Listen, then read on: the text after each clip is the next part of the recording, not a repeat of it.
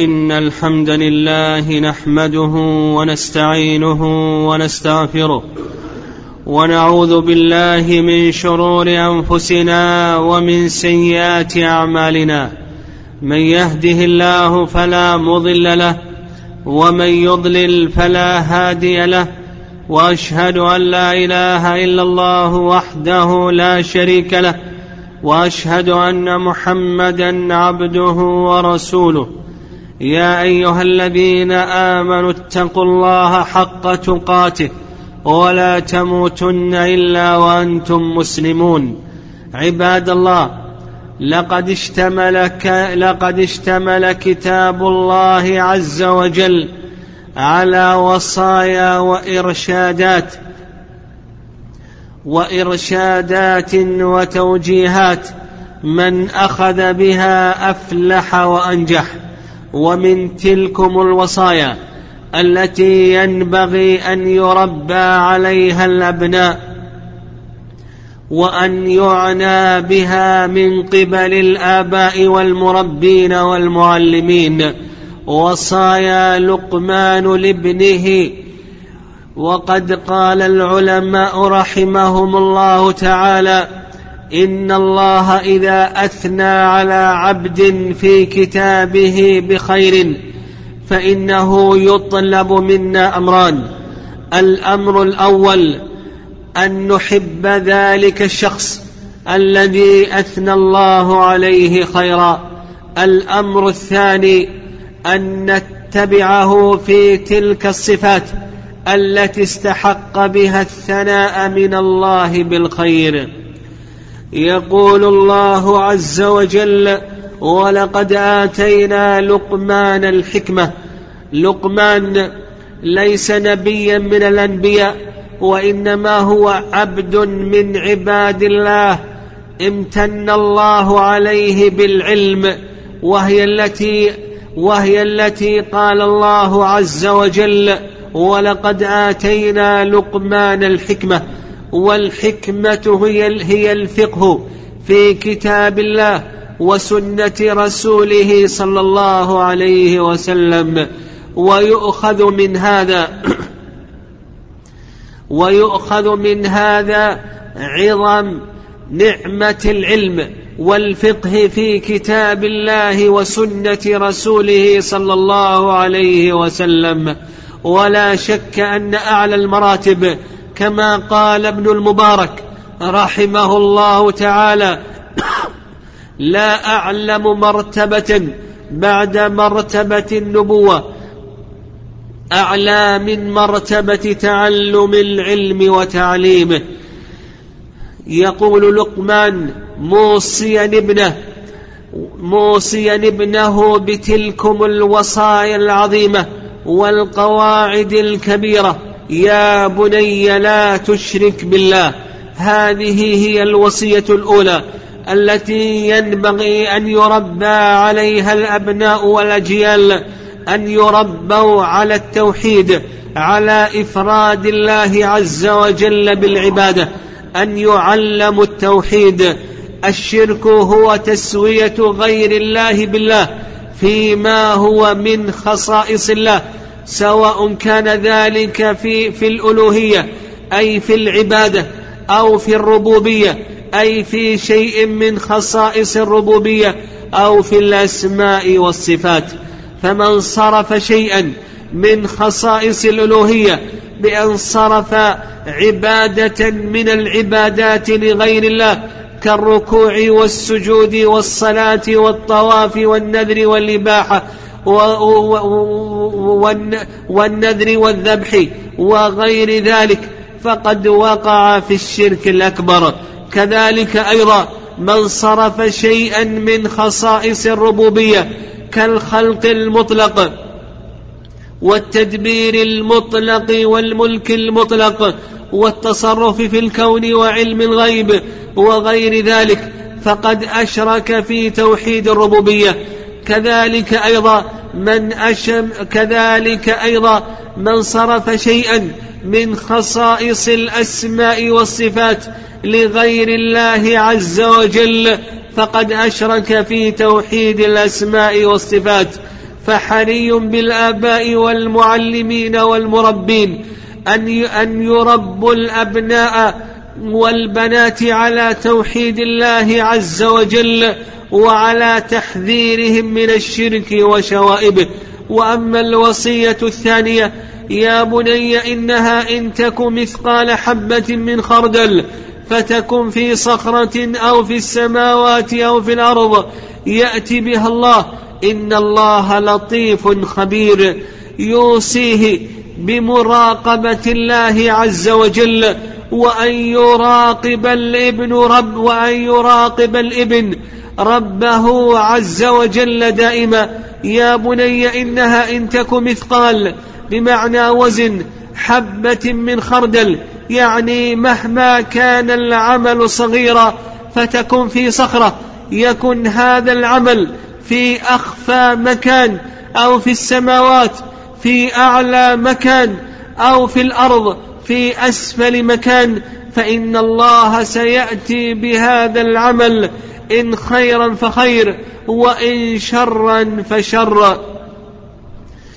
وتربية الأجيال والأبناء على المراقبة يحدث فيهم قوة التعلق بالله عز وجل وقوة الإيمان والخوف والخوف منه سبحانه وتعالى والمبادرة إلى امتثال الأمر واجتناب النهي.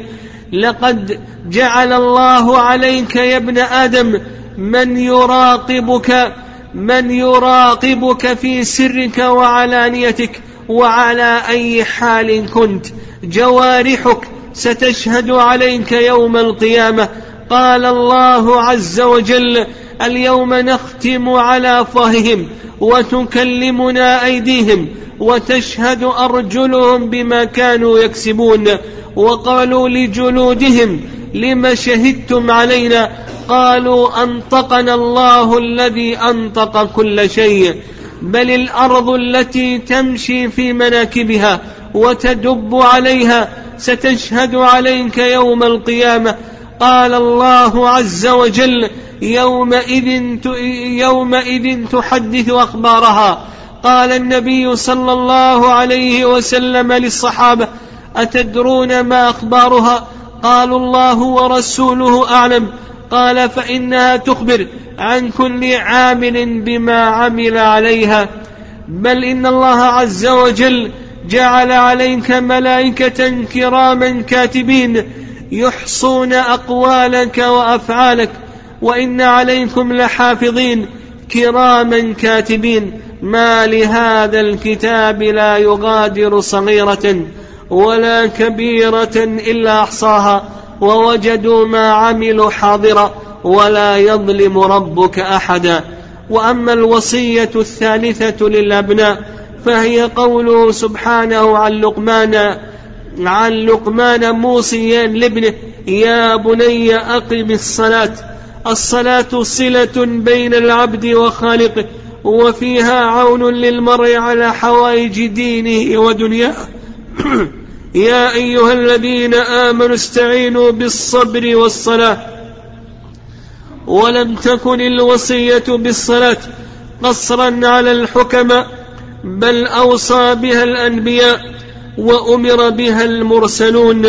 قال الله عز وجل وجعلناهم أئمة يهدون بأمرنا وأوحينا إليهم فعل الخيرات وإقام الصلاة وإيتاء الزكاة وكانوا لنا عابدين.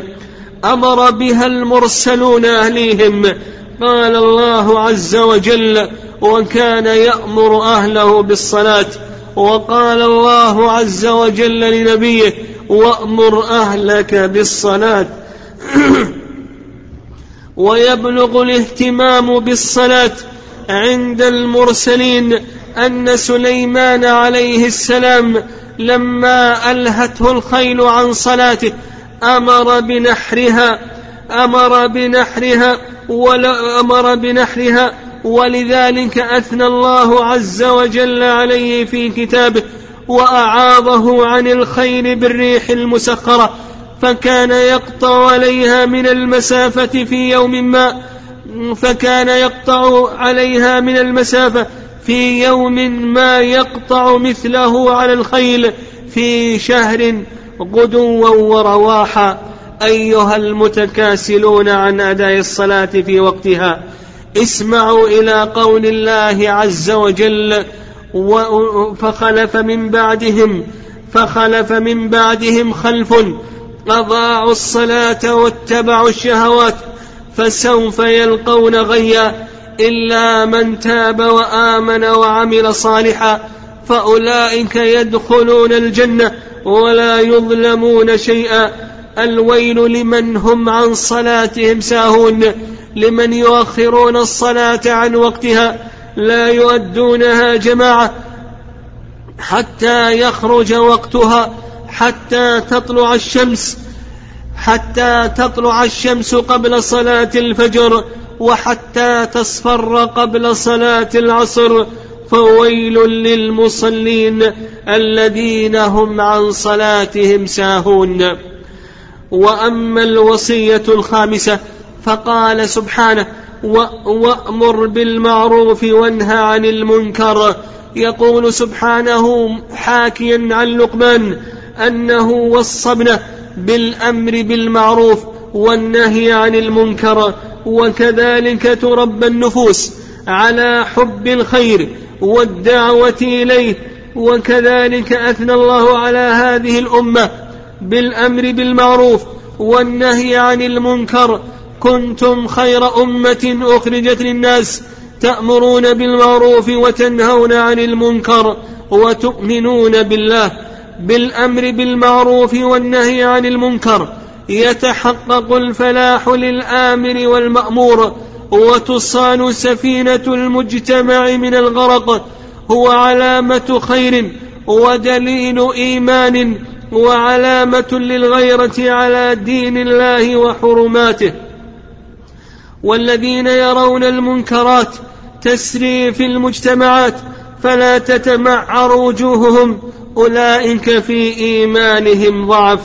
فليتقوا الله وليقولوا قولا سديدا. فالكلمة الطيبة صدقة.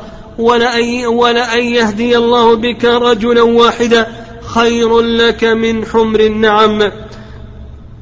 ولئن اختص الله بهداية القبول والتوفيق ولئن اختص الله بهداية القبول والتوفيق نفسه فهداية الدلالة والإرشاد بوسع البشر. عباد الله وأما الوصية السادسة التي يوصي بها لقمان ابنه واصبر على ما أصابك. واصبر على ما أصابك. فيوصيه بالصبر على ما أصابه من أقدار الله المؤلمة سواء كان ذلك في النفس أو كان ذلك في المال أو كان ذلك في الأهل. والصبر هو حبس القلب والجوارح عما عما نهى الله عز وجل عنه.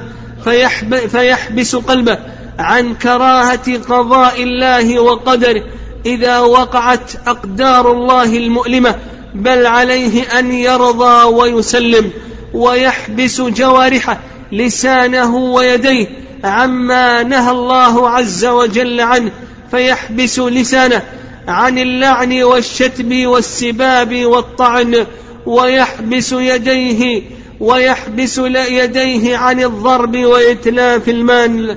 ليس منا من ضرب الخدود وشق الجيوب ودعا بدعوى الجاهلية. اللهم اجعلنا من المقيمين للصلاة الآمرين بالمعروف الناهين عن المنكر. يا ذا الجلال والإكرام. أقول ما سمعتم. وأقول ما سمعتم وأستغفر الله لي ولكم من كل ذنب فاستغفروه إنه هو الغفور الرحيم. الحمد لله رب العالمين الرحمن الرحيم والعاقبة للمتقين ولا عدوان إلا على الظالمين. وأصلي وأسلم على من بعثه الله رحمة للعالمين. عباد الله وأما الوصية الخامسة التي يوصى بها الأبناء فقوله سبحانه ولا تصعر خدك للناس ولا تمشي في الأرض مرحا إن الله لا يحب كل مختال فخور أي لا تتكبر فتحتقر عباد الله أو تعرض عنهم بوجهك إذا كلموك ولا يظهر في مشيتك الكبر والخيلاء وتذكر أن بدايتك من ماء مهين وأنك مهما بلغت من الجاه أو جمعت من المال فنهايتك إلى التراب.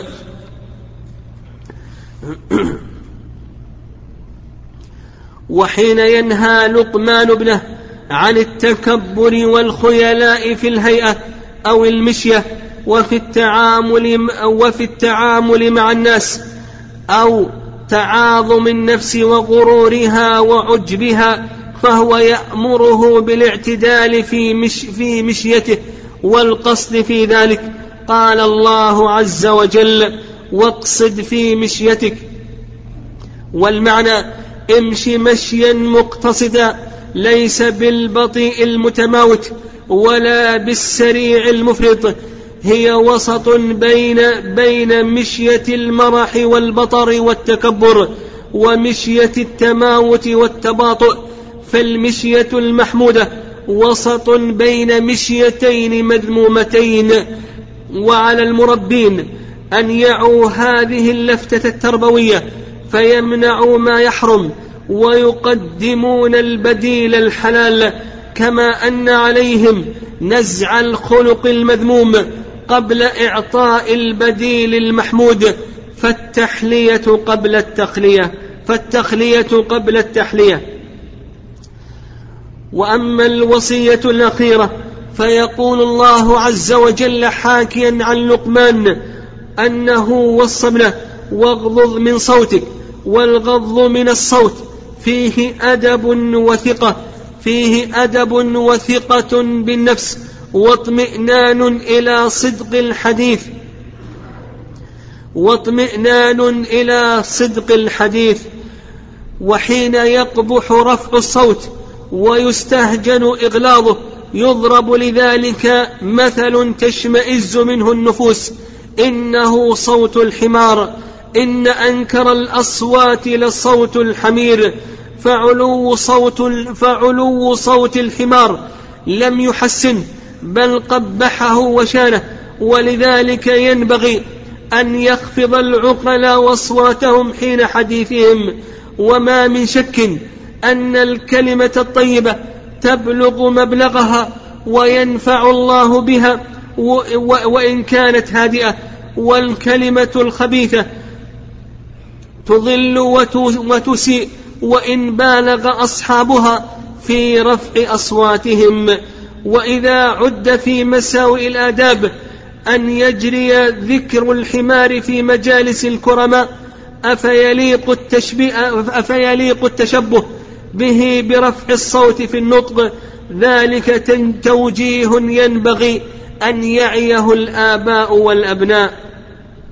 عباد الله هذه وصايا نافعة جدا وهي من قصص القرآن عن لقمان الحكيم رحمه الله تعالى ليتمثلها الناس ويقتدوا بها كما قال ابن كثير رحمه الله ألا ما أحوج الآباء والمربين والمعلمين إلى الوقوف عندها طويلا لتفهمها والعمل بمقتضاها وتربية النشء عليها نسأل الله ذلك بمنه وكرمه.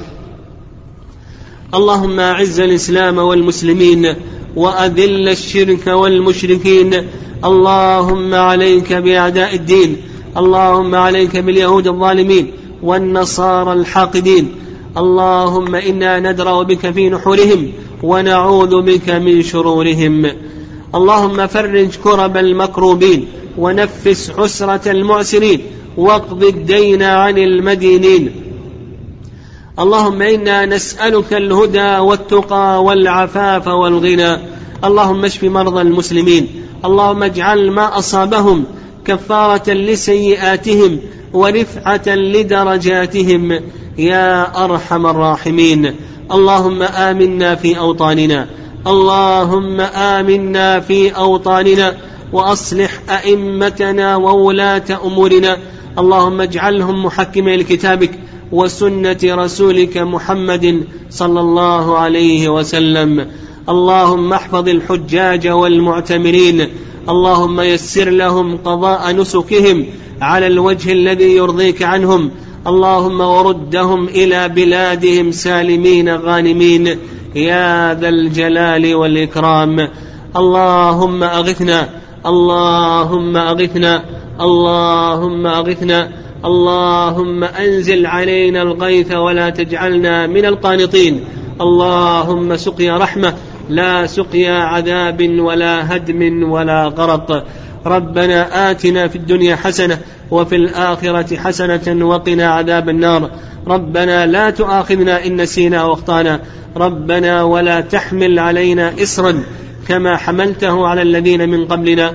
ربنا ولا تحملنا ما لا طاقة لنا به. واعف عنا واغفر لنا وارحمنا. أنت مولانا فانصرنا على القوم الكافرين.